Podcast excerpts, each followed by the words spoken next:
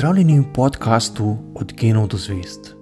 Moje ime je Sašo Dolenc in pripovedoval vam bom zanimive zgodbe iz sveta znanosti.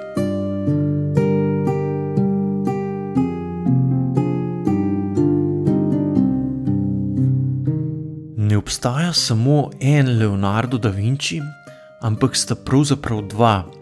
Je na predavanju, ki ga je imel leta 1953 ob 500-letnici Leonardovega rojstva, povedal filozof in zgodovinar znanosti Aleksandr Kuare. Na eni strani imamo genialnega renesančnega umetnika in inženirja, ki nam je zapustil mnogo čudovitih umetnin in izumov. To je Leonardo kot javna osebnost, ki jo poznamo iz umetnostno-zgodovinskih pregledov.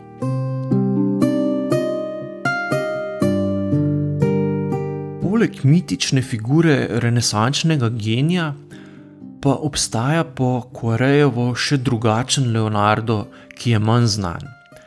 To je zasebni Leonardo, kot ga lahko spoznamo skozi zapiske, ki jih je pisal na pol šifrirano, se jih lahko beremo le v ogledalu, širša javnost pa jih vrsto let sploh ni poznala.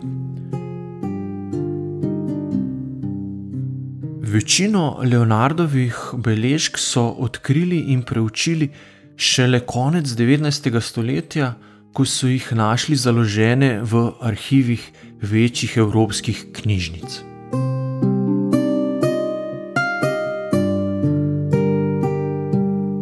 Pravkar mineva 500 let od Leonardove smrti 2. maja 1519, in ob tej obletnici lahko ugotovimo, da se je zadnja desetletja na osnovi popularnih knjig, dokumentarcev in televizijskih serij vzpostavila spet nova javna podoba Leonarda.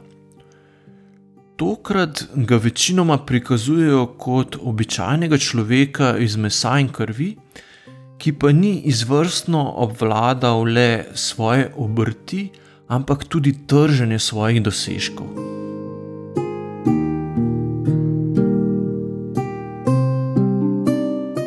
V obdobju Renesanse se je pojavilo veliko prevodov starih besedil, ki so obravnavali tehnične veščine, kot so recimo gradbeništvo, vojskovanje in metalurgija. Z iznajdbo tiska pa je postalo to znanje tudi lažje dostopno. Vse bolj pomemben je postajal nov tip vednosti, ki ni bil več vezan na inštitucijo univerze. Inženirji in umetniki so postajali cenjeni in njihov ugled na družbeni lestvici je zrasel. Še zmeraj pa je veljalo, da so znanstveniki, filozofi tisti, ki stvari razumejo, obrtniki pa znajo predmete le narediti. Leonardo je bil nesporno del tradicije inženirjev in umetnikov, ki niso spadali med višji sloj učenjakov.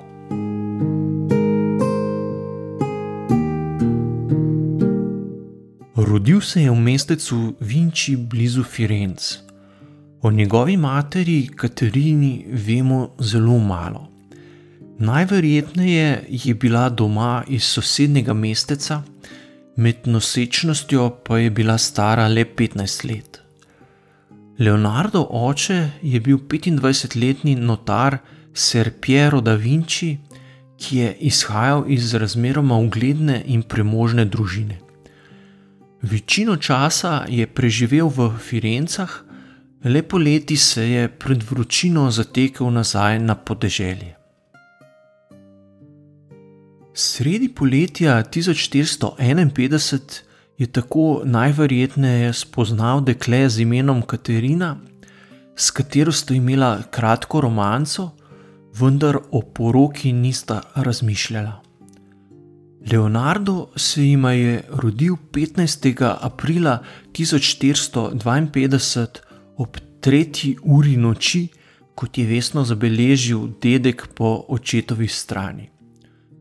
Zgodovinari iz tega zapisa sklepajo, da se je Leonardo najverjetneje rodil v hiši očetove družine, saj dedek sicer ne bi tako natančno zabeležil rojstva vnuka in naštel vse prisotne sorodnike in znance. Očetova družina je s Katerino kmalo zatem, ko je rodila Leonarda, sklenila nekakšen dogovor in jo izplačala. Oče Piero se je le nekaj mesecev po sinovem rojstvu poročil s 16-letno Albiero iz ugledne florentinske družine, Katerina pa se je kmalo zatem poročila s Pekovim sinom Antonijem, s katerim je imela na to še pet otrok. Leonardo je vse čas živel pri očetovi družini. Ker je bil zunaj zakonski otrok, so mu bila marsikatera karjerna vrata zaprta, a oče mu je vseeno omogočil, da je pri 14. postal vajenec v delavnici Andreja Del Verokija, takrat najboljšega izdelovalca umetnin v Firencah. Več let se je Leonardo tako izpopolnjeval v najrazličnejših praktičnih veščinah, njegovi sošolci pa so bili drugi pomembni renesančni umetniki, med katerimi je verjetno najbolj znan Sandro Botticelli. Kot izhaja iz ohranjenih dokumentov, so Leonarda leta 1476 še nekaj drugimi imeni anonimno prijavili oblastem, da prakticira sodomijo, kot so takrat označevali homoseksualne odnose.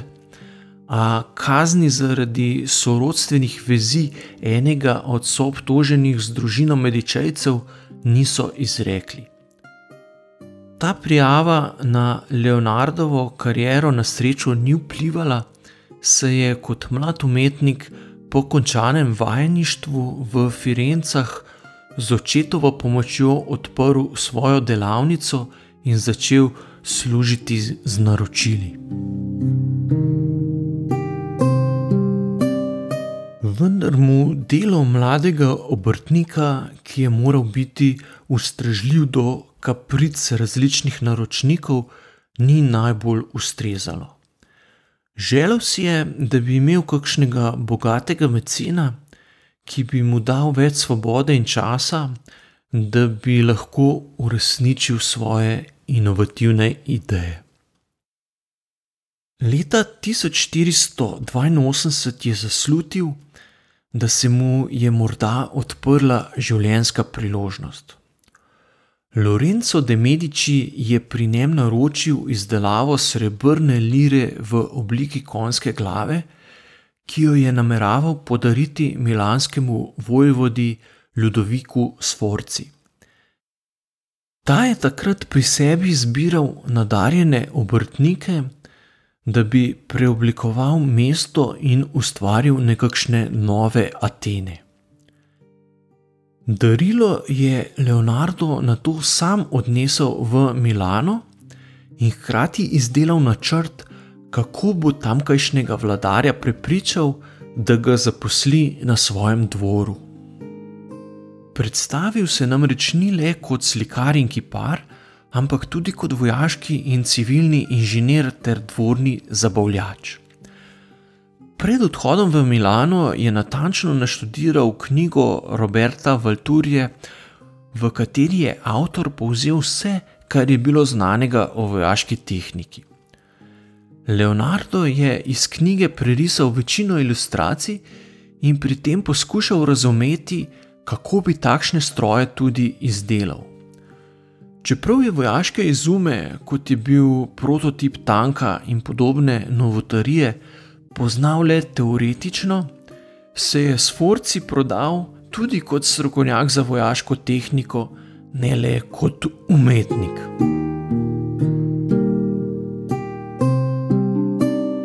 V Milanu je ostal dolgo vrsto let in ustvaril veliko pomembnih del.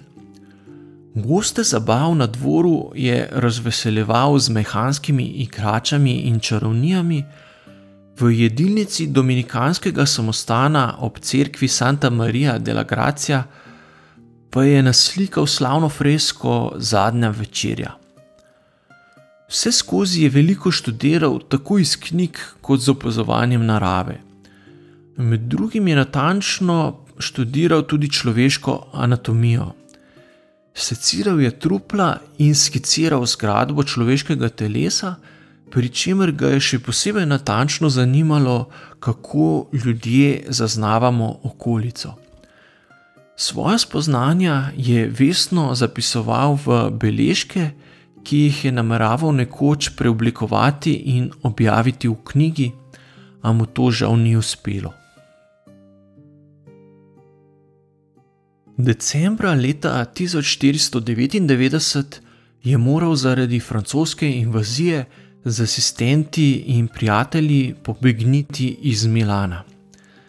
Za krajši čas se je nastanil v Benetkah, kjer je dobil naročilo, da kot strokovnjak za vojaško tehniko pripravi načrt za obrambo pred Turki.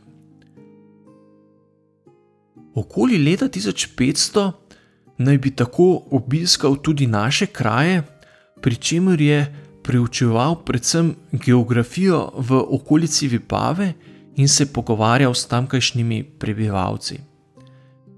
Benečanom je kot obrambni načrt predlagal, da bi zajezili reko Vipavo in tako Turke preusmerili v osko območje, ki bi ga lažje nadzorovali stopništvo.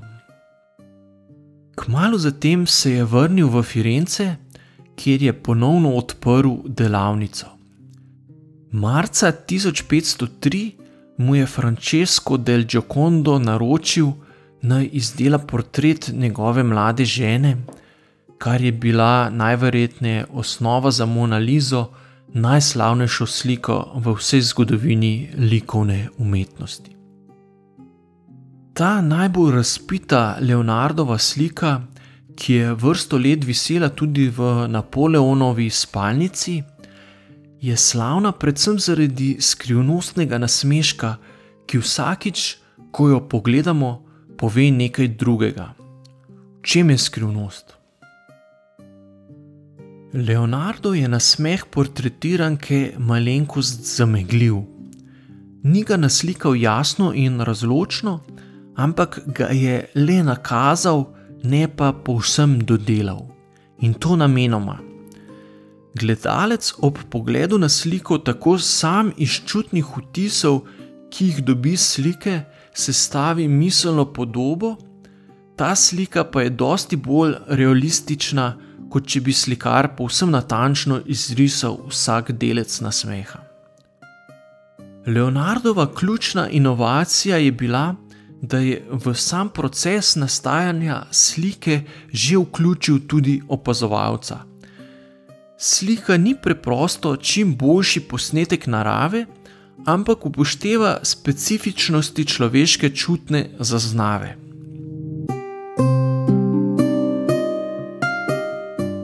Leta 1513 je Leonarda papež Leon X, ki je bil iz družine Medičejcev, povabil v Rim, kjer je ostal nekaj let.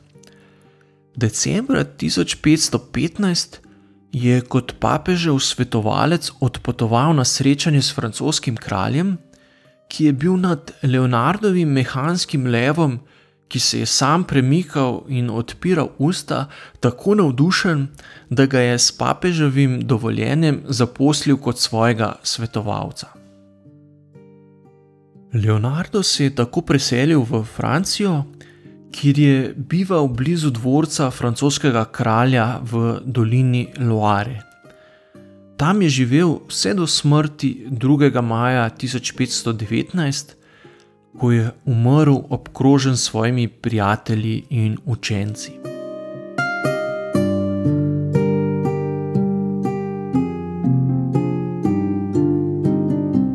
To je bil podcast Od genov do zvest. Moje ime je Saša Dolenc in z novo zgodbo se vam oglasim že k malu.